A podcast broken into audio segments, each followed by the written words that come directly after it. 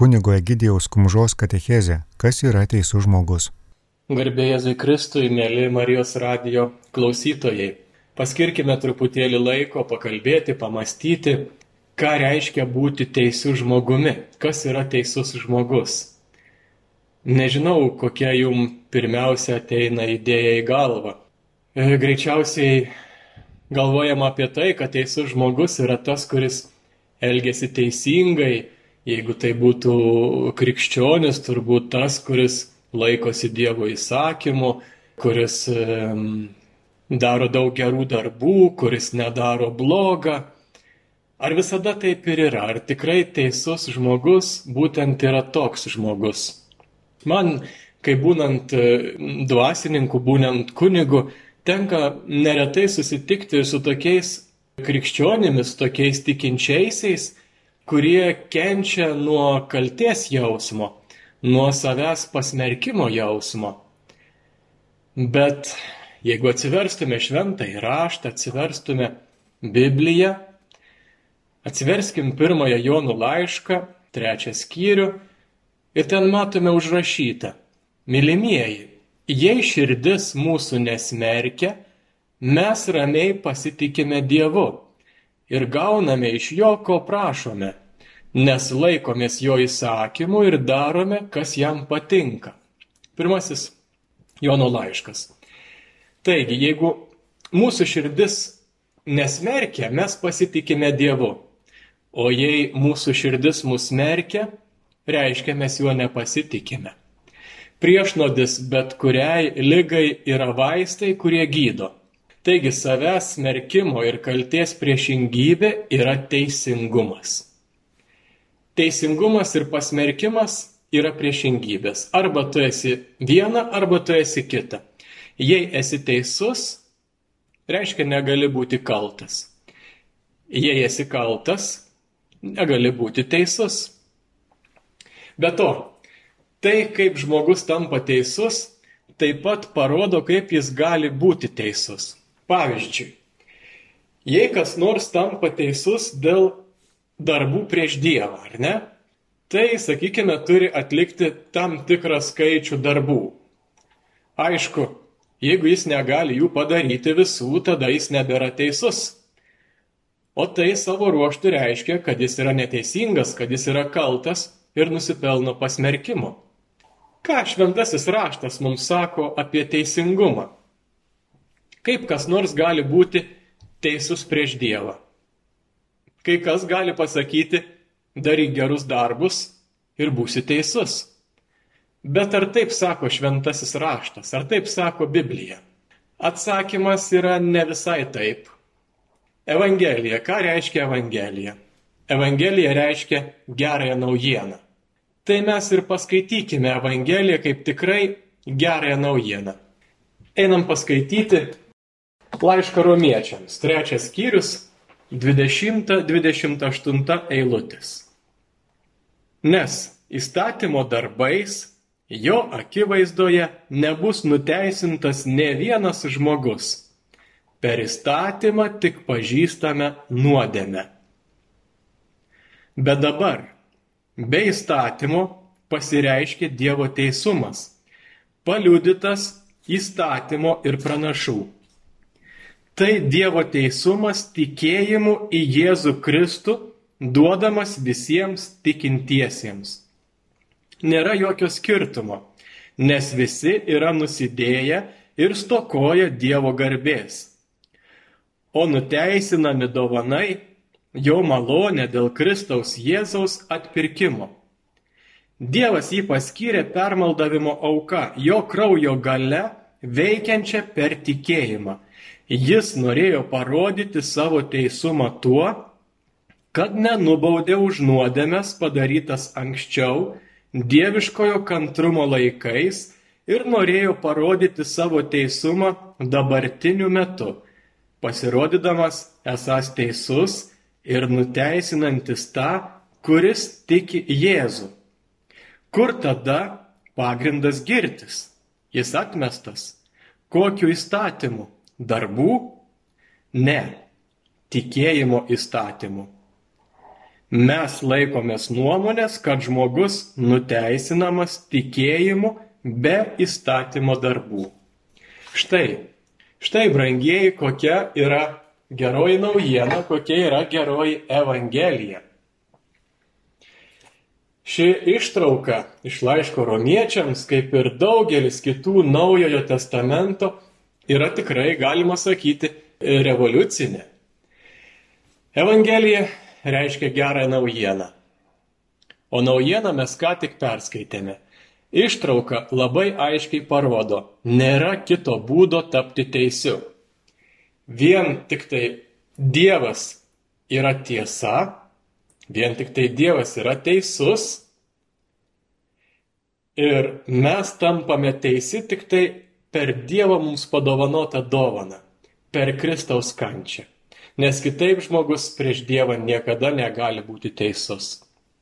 Pavyzdžiui, tapti teisiu per Mozės įstatymo darbus, įskaitant ir tuos dešimt Dievo įsakymų kaip įstatymo dalį. Biblija sako, kad darydamas gerus darbus, net pavyzdžiui ir laikydamasis dešimt Dievo įsakymų, nepaisant to, kad įstatymė buvo daug daugiau, Žmogus negali tapti teisuoliu Dievo akivaizdoje. Taip yra ne todėl, kad geri darbai yra blogi, o todėl, kad gerų darbų niekada nepakaks ir jie niekada nebuvo skirti padaryti žmogų teisų Dievo akivaizdoje. Negalime būti teisūs prieš Dievą darbais. Taigi, jei esi teisus darbais, tu nesi teisus. Tai yra kažkas, kas kurį laiką tenkins tavo sąžinę, bet neturi jokios galios prieš Dievą. Jei tad jautiesi kaltas ir pasmerktas, tai yra dėl to, kad tavo darbų nepakanka ir manai, kad tai turėjo įtakos Dievo žvilgsniui. Galbūt gali pagalvoti, kad jis pyksta ant tavęs dėl tavo veiksmų ar darbų, kurių nepadarėjai. Gali jausti, kad jis žiūri tave ir sako, nu kaip tu galėjai tai padaryti. Tau nepavyko, tu kaltas. Tai ne Dievo balsas, brangus broliai ir seserys. Dievas nesitikė, kad darbais tapsi teisus jo akivaizdoje. Vietoj to jis padarė mus teisius Jėzaus Kristaus atpirkimo nuopelnais. Veltui, dovanai. Esi teisus dabar. Teisingumas nėra tai, ką įgyji palaipsniui mes tampame teisūs tą akimirką, kai tikime viešpati Jėzų Kristų, kai tikime jo prisikelimą iš numirusių. Tai yra dovana, o ne mainai už darbus. Žmogus išteisinamas tikėjimu be įstatymo darbų. Ta pati matome ir antrajame laiške korintiečiams, penktajame skyriuje. 21 eilutė mums sako, ta, kuris nepažino nuodėmės, jis dėl mūsų pavertė nuodėmę, kad mes jame taptume Dievo teisumu. Pirmoji šios eilutės, šios sakinio dalis kalba apie veiksmą ir tai, kas jį padarė. O antroji dalis parodo to veiksmo rezultatą ir šio rezultato gavėjas. Koks buvo veiksmas? Kad Dievas už mus atidavė savo sūnų. Ta, kuris nepažino nuodėmės, padarė nuodėmę už mus. Koks buvo šio poelgio rezultatas? Kodėl Dievas tai padarė? Atsakymas yra toks, kad jame mes galime tapti Dievo teisumu. Todėl Mūsų teisumas neturi nieko bendra su darbais, yra susijęs su viešpačiu Jėzaus Kristaus užbaigtų darbų. Jis padarė viską, ką reikėjo. Jis atidavė save, kad mes taptume teisūs. Jo darbas baigtas.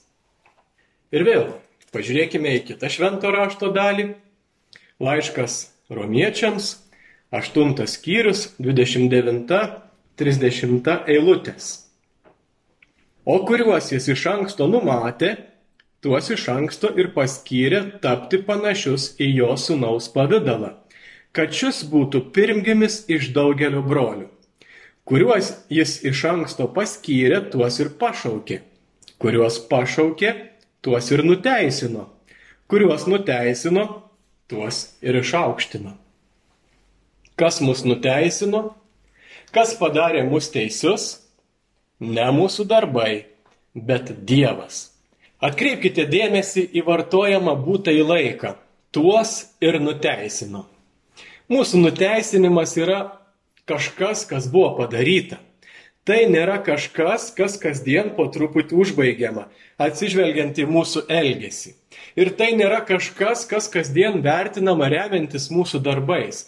Priešingai, tai dovana, kuri mums buvo prieinama per Jėzaus auką ir buvo suteikta nemokamai kiekvienam, kuris tiki jį kaip Dievo sūnų. Ar tiki, kad Jėzus yra Kristus, Dievo sūnus, Mesijas, Jei tu gimė iš Dievo, tu esi Dievo vaikas. Tu esi išgelbėtas ir teisus Dievo akivaizdoje be darbų. Galime paieškoti kitų šventojo rašto vietų. Pavyzdžiui, ir vėl laiškas romiečiams, dešimtas skyrius, devinta dešimtos eilutės. Jeigu lūpomis išpažinsi viešpati Jėzų ir širdimi tikėsi, kad Dievas jį prikėlė iš numirusių, būsi išgelbėtas. Širdimi primtas tikėjimas veda į teisumą, o lūpomis išpažintas į išganimą. Paimkim apaštalą Joną, kuris savo Evangelijoje, pirmam skyriuje, irgi sako, visiems, kurie jį priėmė, jis davė galę tapti Dievo vaikais, tiems, kurie tiki jo vardą kurie ne iš kraujo ir ne iš kūno norų, ir ne iš vyro norų, bet iš Dievo užgimė. Laiškė Galatams trečias skyrius irgi matome, juk jūs visi tikėjimu esate Dievo vaikai Kristuje Jėzuje. Taigi, trumpai apibendrinant, kokia gera naujiena. Mes esame teisūs prieš Dievą automatiškai, kai tikime ir be jokio darbo. Taigi, jei jaučiamės kalti, jaučiamės pasmerkti, tai ne Dievas mus smerkia, tai ne iš Dievo ateina, tai ateina iš piktojo. Dievas padarė mus teisius. Kaip skaitėme, mes esame Dievo vaikai, mes esame Dievo teisumas. Taigi jaustis pasmerktam nėra kažkas, kas turėtų užimti vietą mūsų gyvenime. Tai nereiškia, kad mes nedarome klaidų. Ne, Tai reiškia, kad pasmerkimo jausmas nėra atsakymas į mūsų klaidas.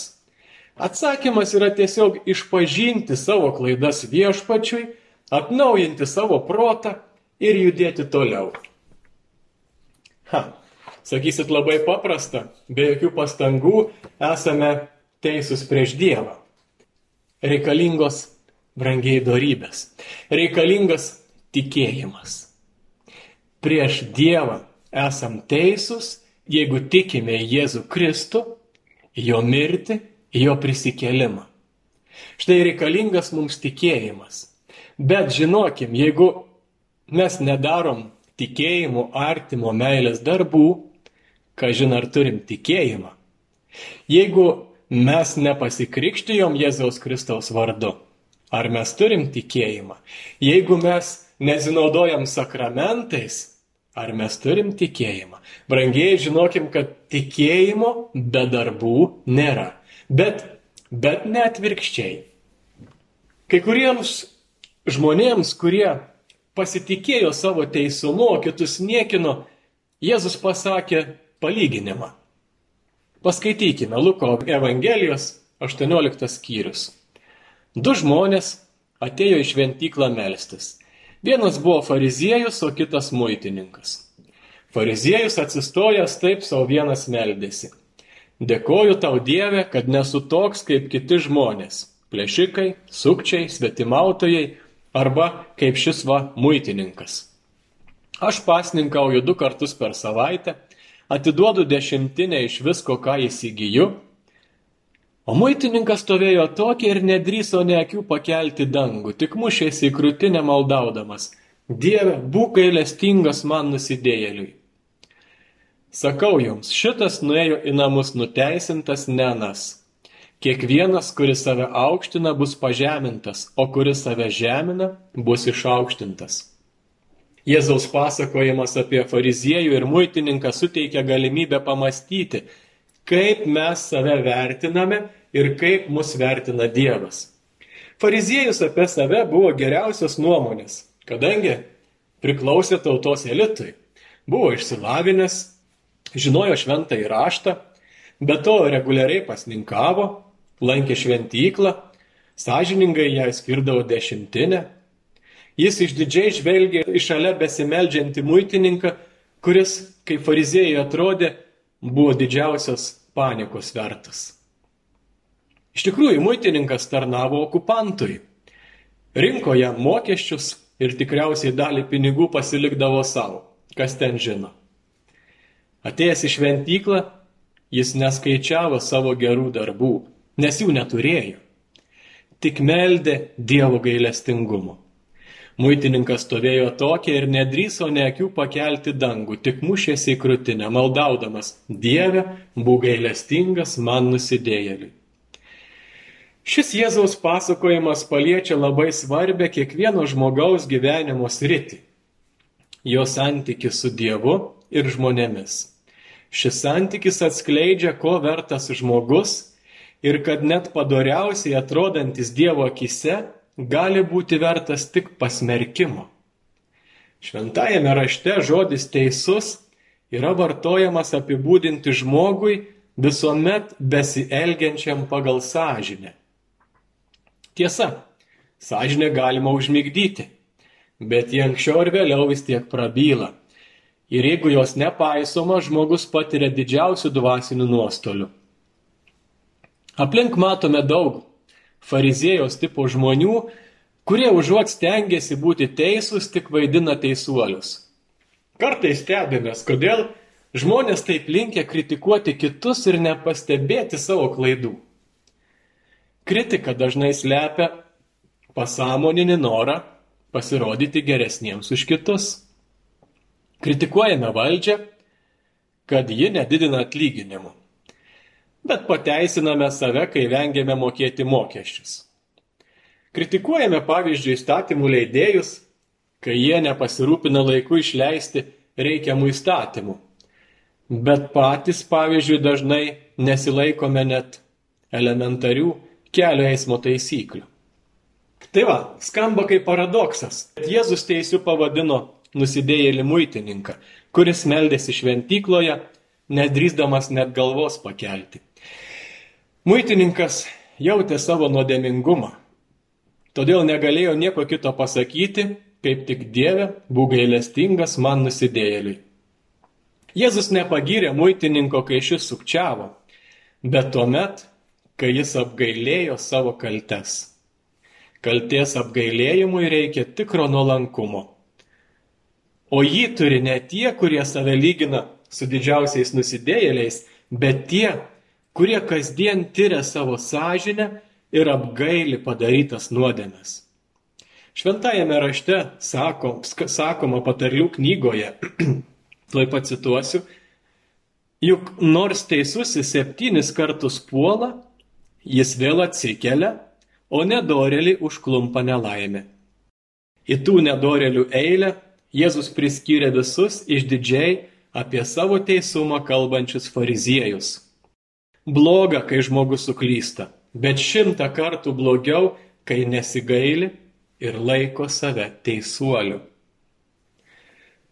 Nuolankiojo malda prasiskverbia pro debesis ir nenurimsta, kol nepasiekia savo tikslo. Nuolankaus nusidėjėlio muitininko buvo išklausyta pats Jėzus išteisino. Sakau jums, šitas nuėjo į namus nuteisintas, ne anas. Kiekvienas, kuris save aukština, bus pažemintas, o kuris save žemina, bus išaukštintas. Apaštalas Paulius prieš atsivertimą taip pat buvo išdidus fariziejus. Niekinės ir persekėjęs krikščionis, pažinęs Jėzų tapo uoliu ir nuolankiu jo sėkėju. Jis savo laiškė skundžiasi, laiškė romiečiams septintas skyrius. Aš žinau, kad manyje, tai yra mano kūne, negyvena gėris. Mat aš sugebu gero trokšti, o padaryti ne. Aš nedarau gėrio, kurio trokštų, o darau blogį, kurio nenoriu. Melsdamiesi, patirinėkime, į ką esame panašus - į savo klaidas, apgailinti muitininką, ar į povo plunksnomis pasipuošusi fariziejų. Paprastos širdies žmonės iš tikrųjų buvo apstulbinti Jėzaus stebuklų ir skelbiamo mokslo. Kiti, regėdami stebuklingus darbus, nenori tikėti Jėzaus dieviškumu. Kaip mums pasakoja šventasis Morkus savo Evangelijos trečiajame skyriuje, viešpats išvarė demoną iš apsėstojo. Ir kol minė stebėjosi, atvykę iš Jeruzalės rašto aiškintojai sakė, jis turi Belzebulą. Ir demonų kunigaikščių gale jis išvaro demonus. Jeigu nėra gerų nuostatų, viešpaties darbai aiškinami kaip demono darbai. Jei trūksta sažiningumo, viskas gali būti supainiota. Per savo beribę aklumą fariziejai ima teikti, kad Jėzus turi netyrąją dvasę. Bet juk Jėzus šventų šventasis, pats šventumas. Dėl meilės Dievui ir artimui, dėl, dėl meilės teisingumui pasaulyje, kur taip piknaudžiaujama žodžiais, krikščionis turi būti teisingas ir savo kalbomis. Žmogui pridera geras vardas, pagarba, garbė, kurios yra nusipelnęs Kuo geriau žmogų pažįstame, tuo labiau mums atsiskleidžia jo asmenybė, charakteris, protas, širdis. Ir tuo labiau suvokiame matą, kuriuo privalome jį matuoti. Ir ką reiškia būti jam teisingiems. Dažnai kalbos nevaldymas, lengvumas veikiant ir kalbant yra neapgalvotų veiksmų ir lengvabūdiškumo vidinio turinio ir Dievo akivaizdos suvokimo stygiaus apraiškos. Kaip dažnai galime būti neteisūs, neatsakingai spręsdami apie elgesį tų, su kuriais gyvename, dirbame ar bendraujame. Kiekvienas žmogus turi teisę išsaugoti gerą vardą, kol nevertais darbais, viešais ar pagarsėjusiais nepasirodo jo nevertas. Šmeištas, pikžodžiavimas, apkalbos yra didelis neteisingumas artimui. Nes geriau turėti gerą vardą negu didelius turtus. Juo labiau, kad netekęs žmogus gero vardo tampa nepajėgus realizuoti didesnės dalies gėrio, kurį būtų galėjęs nuveikti. O dažniausia šmeišto, neigiamos kritikos, apkalbų priežastis tai yra pavydas nepakenčiantis gerųjų artimo savybių - žmogaus ar įstaigos prestižo ar sėkmės. Šiandien melzdamiesi galime savęs paklausti, ar aplinkoje, kurioje klostosi mūsų gyvenimas, tai šeimoje, darbe, su draugais, esame pažįstami kaip žmonės, kurie niekada blogai nekalba apie savo artimą. Ar tikrai visais atvejais Įvykdome pavyzdžiui šį išmintingą posakį. Jei negali pagirti, patylėk. Turime prašyti viešpaties, kad išmokytų mus sakyti tai, kas pridara. Nekalbėti tuščiai. Kalbant žinoti laiką bei saiką ir mokėti pasakyti tai, kas būtina. Tinkamai atsakyti klausimą. Nekalbėti triukšmingai ir neleisti, kad audringai kalbant į galvą šaunantys žodžiai piltųsi tarsi kruša. Deja, taip dažnai nutinka. Mes pavyzdingai puoselėsime šį artimo meilės ir teisingumo aspektą, jei malonės padedami, visą dieną išlaikysime vidinę Dievo artumo atmosferą. Jei vengsime vertinti neigiamai. Teisingumas ir meilė tai yra dorybės, kurias pirmiausia turime ugdyti savo širdise, nes burna kalba tai, ko pertekusi širdis.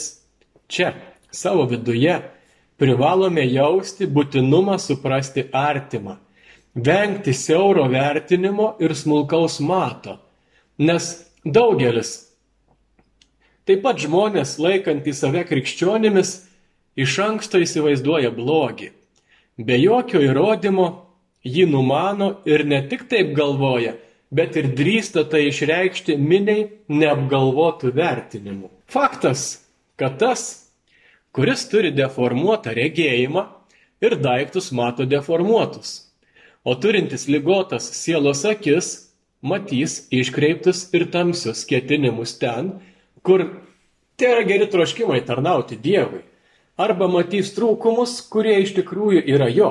Jau šventasis Augustinas duoda patarimą - stenkitės įgyti darybės, kurių, kaip manote, trūksta jūsų broliams. Ir jau nematysite jų trūkumų, nes jų neturėsite jūs. Karštai prašykime viešpaties, kad tuose, kurie yra su mumis, visada pirmiausia matytume daug to, kas yra gera.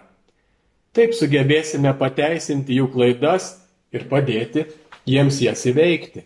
Praktikuoti žodžių ir sprendimų teisingumą, taip pat gerbti žmonių privatumą, ginti jį nuo svetimo smalsumo, neviešinti to, kas turi likti privatu šeimos ar draugų aplinkoje. Tai elementari teisė, kurią dažnai pažeidžiame ir kuria dažnai piknaudžiaujama. Nesunku šiais laikais nurodyti to agresyvaus malsumo, skatinančio lyguistai tyrinėti privatų kitų gyvenimą atvejus.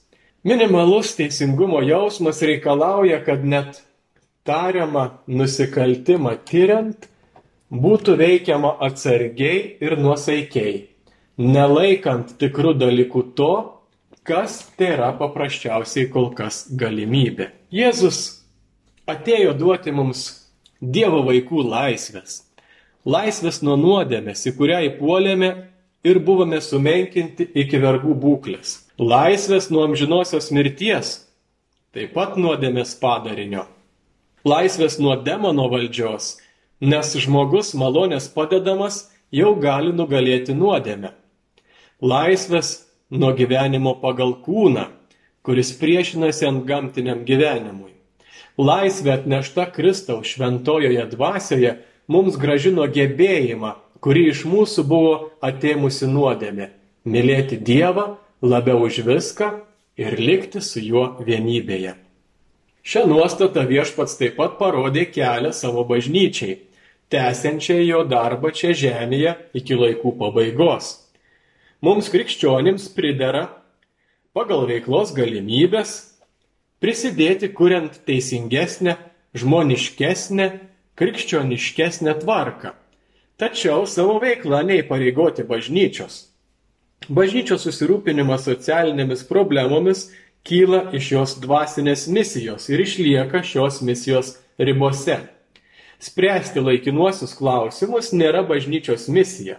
Taip jis seka Kristumi, kuris teigia, kad jo karalystė yra ne iš šio pasaulio.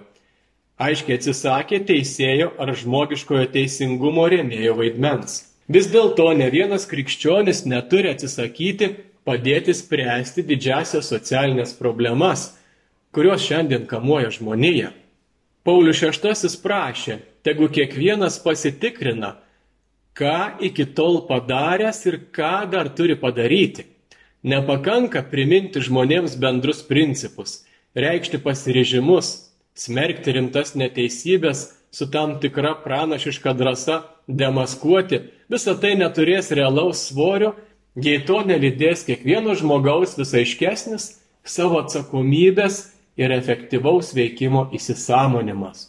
Per nelik lengva kitiems užkrauti atsakomybę už esamas neteisybės, jei sėkių nesuvokiame, kad ir mes patys esame atsakingi. Todėl asmeninis atsivertimas yra pirminė būtinybė. Galutinis sprendimas, kaip sukurti pasaulyje teisingumą ir taiką, gyvoja žmogaus širdyje. O kai ši nutolsta nuo Dievo, ji tampa esminės žmogaus vergystės ir savo panašių priespaudos šaltiniu. Todėl ne akimirką neturime pamiršti, kad kai asmeninio paštalavimu stengiamės padaryti mūsų panti pasaulį krikščioniškesnį, darome jį ir žmogiškesniu pasauliu. Taip pat, kai stengiamės, kad mūsų gyvenama aplinka - visuomeninė, šeiminė, darbinė - būtų teisingesnė ir žmogiškesnė, kuriame sąlygas, kad Kristus būtų lengviau pažįstamas ir mylimas. Nutarimas be sviravimų įgyvendinti teisingumo darybę paskatins mus kasdien melstis už atsakingus dėl bendrojo gėrio - valdančiuosius, verslininkus, įmonių vadovus ir kitus, nes nuo jų labai priklauso didelių socialinių ir žmogiškų problemų sprendimas. Sikiu turime būti atsakingi už teisingumo skleidimą, neprimetant jo prievartą kaip ir kalties kitiems žmonėms. Bažnyčia mus tam ir ragina - mokėti tiek, kiek priklauso žmonėms, kurie mums teikia paslaugas. Daryti visą, kas įmanoma, kad būtų pagerintos labiausiai stokojančiųjų gyvenimo sąlygos. Pavyzdingai, kiek leidžia profesinė kompetencija elgtis darbe, atsakingai ir iniciatyviai vykdyti savo pilietinės teisės ir pareigas dalyvauti vairiose draugijose, kurioms galime kartu su kitais geros valios žmonėms suteikti žmoniškesnę ir krikščioniškesnę kryptį. Ir tai turime daryti nepaisydami laiko stokos. Jei stengiamės, viešpats ilgins mūsų dieną. Gyvenimo programa, kurią mums paliko viešpats, duoda didžiausių pokyčių, kokie tik įmanomi žmonijoje. Jis mums sako, kad visi esame Dievo vaikai O tai reiškia, kad esame ir broliai, broliai ir seserys. Tai giliai paveikia žmonių tarpusavio santykius. Viešpats visiems mums davė žemės gerybių, kad gerai jas tvarkytume. Visiems pažadėjo amžiną į gyvenimą. Laimėjimai, kurių amžių bėgėje pasiekė Kristaus mokymas, tai pavyzdžiui, e, vergyjos panaikinimas, moters orumo pripažinimas, našlaičių ir našlių globa, dėmesys ligonėms, nuskriaustiesiems yra būtent to brolybės jausmo, kuris kyla iš krikščionių tikėjimo padarinys. Ar mes asmeniškai galime teikti, kad savo profesinėje ir visuomeninėje aplinkoje žodžiais ir veiksmais tikrai darome pasaulį teisingesnį ir žmoniškesnį? Žmogus ar visuomenė, kuri nereaguoja į kančias ir neteisybės ir nesistengia jų lengvinti, nėra žmogus ar visuomenė derami Kristaus širdies meiliai. Krikščionys visada išlaikydami plačiausią laisvę studijuoti ar įgyvendinti įvairius sprendimus ir todėl besivadovaujantis pluralizmo logika, turi būti vieningi troškimu tarnauti žmonijai. Kitaip jų krikščionybė nebus Jėzaus žodis ir gyvenimas, tai bus apsimetinėjimas, apgaulė Dievo ir žmonių akivaizdoje. Iš kitos pusės, vien teisingumu irgi negalėsime išspręsti visų žmonijos problemų. Nors pavyks pasiekti protingo gerybių paskirstimo ir harmoningo visuomenės organizavimo, neišnyks lygos skausmas, nesupratimo ir vienatvės, mylimų žmonių mirties, savo ribotumo patyrimo skausmas. Teisingumas praturtėja yra papildomas gailestingumu. Dar daugiau. Griežtas teisingumas gali vesti į savęs neigimą ir susinaikinimą, jei neleidžia, kad žmogaus gyvenimą modeliuotų ta gilesnioji forma, kuri yra meilė. Ir gali baigtis stipresniųjų priespaudos silpnesiesiems sistema arba nuolatinės kovos vienų prieš kitus arena. Teisingumas ir gailestingumas vienas kitą palaiko ir stiprina. Vien teisingumu niekad neišspręsime didžiųjų žmonijos problemų. Kai vien tik vykdomas teisingumas, nesistebėkime, jei žmonės lieka užgauti.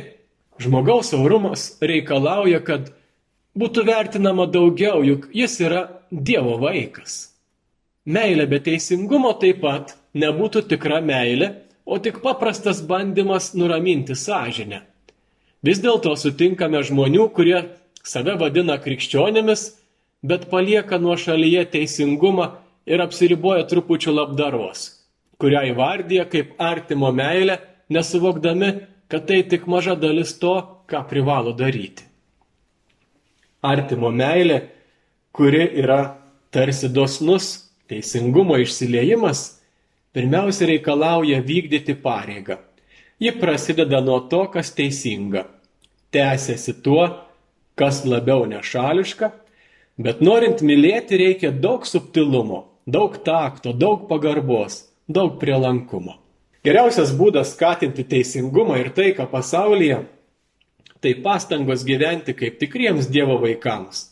Jei mes, krikščionis, nuspręsime Evangelijos reikalavimus perkelti savo asmeninį gyvenimą, į savo šeimą, į savo darbovietę, į savo pasaulį, kuriame kasdien gyvename ir dalyvaujame, mes keisime visuomenę, darydami ją teisingesnę ir žmoniškesnę. Viešpats drąsina mus taip ir daryti. Nenusiminkime, kad kartais atrodo, kad tai, kas yra mums pasiekiama, yra galbūt nereikšminga. Tai pasaulį pakeitė pirmieji krikščionis. Kasdieniu konkrečiu darbu, kuris daugeliu atveju iš pirmo žvilgsnio atrodė menkareikšmis. Taigi, brangiai, į pabaigą, sudėliojant taškučius ant į, galime pasakyti, kad teisingas žmogus yra tikintis žmogus. Teisingas žmogus yra tas, kuris tiki į Jėzų Kristų. Ir per Jėzaus Kristaus kryžių, per kančią, per prisikelimą jis yra teisus. Be savo nuopelnų, dovanai, veltui. Bet tikintis žmogus negali neparodyti savo tikėjimo darbų.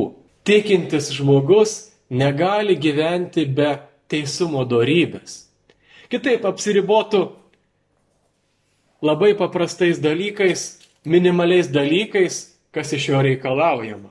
Pavyzdžiui, mylėtų tik tai savo šeimos narius ir, ir tiek. Pavyzdžiui, nesirūpintų tiek tiem tais, kurie stokoja, sakytų, O kodėl čia ne mano reikalas, čia valstybės reikalas, yra organizacijos, o prie ko čia aš? Tai nebus tikintis žmogus. Tai nebus žmogus, kuris myli Jėzų Kristų. Tai nebus žmogus, kuris myli Dievą. Taigi, pagal savo meilės darbus, artimo meilės darbus, mes galime pamatuoti ir savo tikėjimą. Bruno Ferrero yra užrašęs tokią istoriją, kaip Vienas žmogus e, eina gatve, mato mažą mergaitę, našlaitę, kuri prašo išmaldos. Ta diena labai susikremta. Kitą dieną jis žiūri žinias per televiziją ir ten mato, kad teroristai susprogdino bombą ir žuvo daug nekaltų žmonių, tarp jų irgi ten ir senelių, ir, ir vaikų. Jis kreipėsi į Dievą, Dieve, kodėl nieko nedarai? Dieve, kodėl vyksta šitie dalykai? Ir štai jis užmiega, o sapne Dievas atsiliepia jo šauksmą. Dievas jam ir sako, kodėl sakai, kad aš nieko nedarau? Aš darau, aš jau padariau, aš pasauliui daviau tave. Taigi, mielas broli, mielas sesė, pasaulis turi tave, pasaulis turi mus, tikinčiuosius, mylinčius Dievą. Tad Tegul bus mūsų gyvenimo varomoji jėga tikėjimas, tegul mus, mūsų gyvenimo varomoji jėga meilė ir tegul plinta pasaulį teisingumas. Nes tikroji tiesa yra Dievas. Jėzus Kristus apie save pasakė, aš esu tiesa. Taip tebūnie, amen. Garbė Jėzui Kristui. Girdėjote kunigo Egidijaus Kumžos katechezę, kas yra teisų žmogus.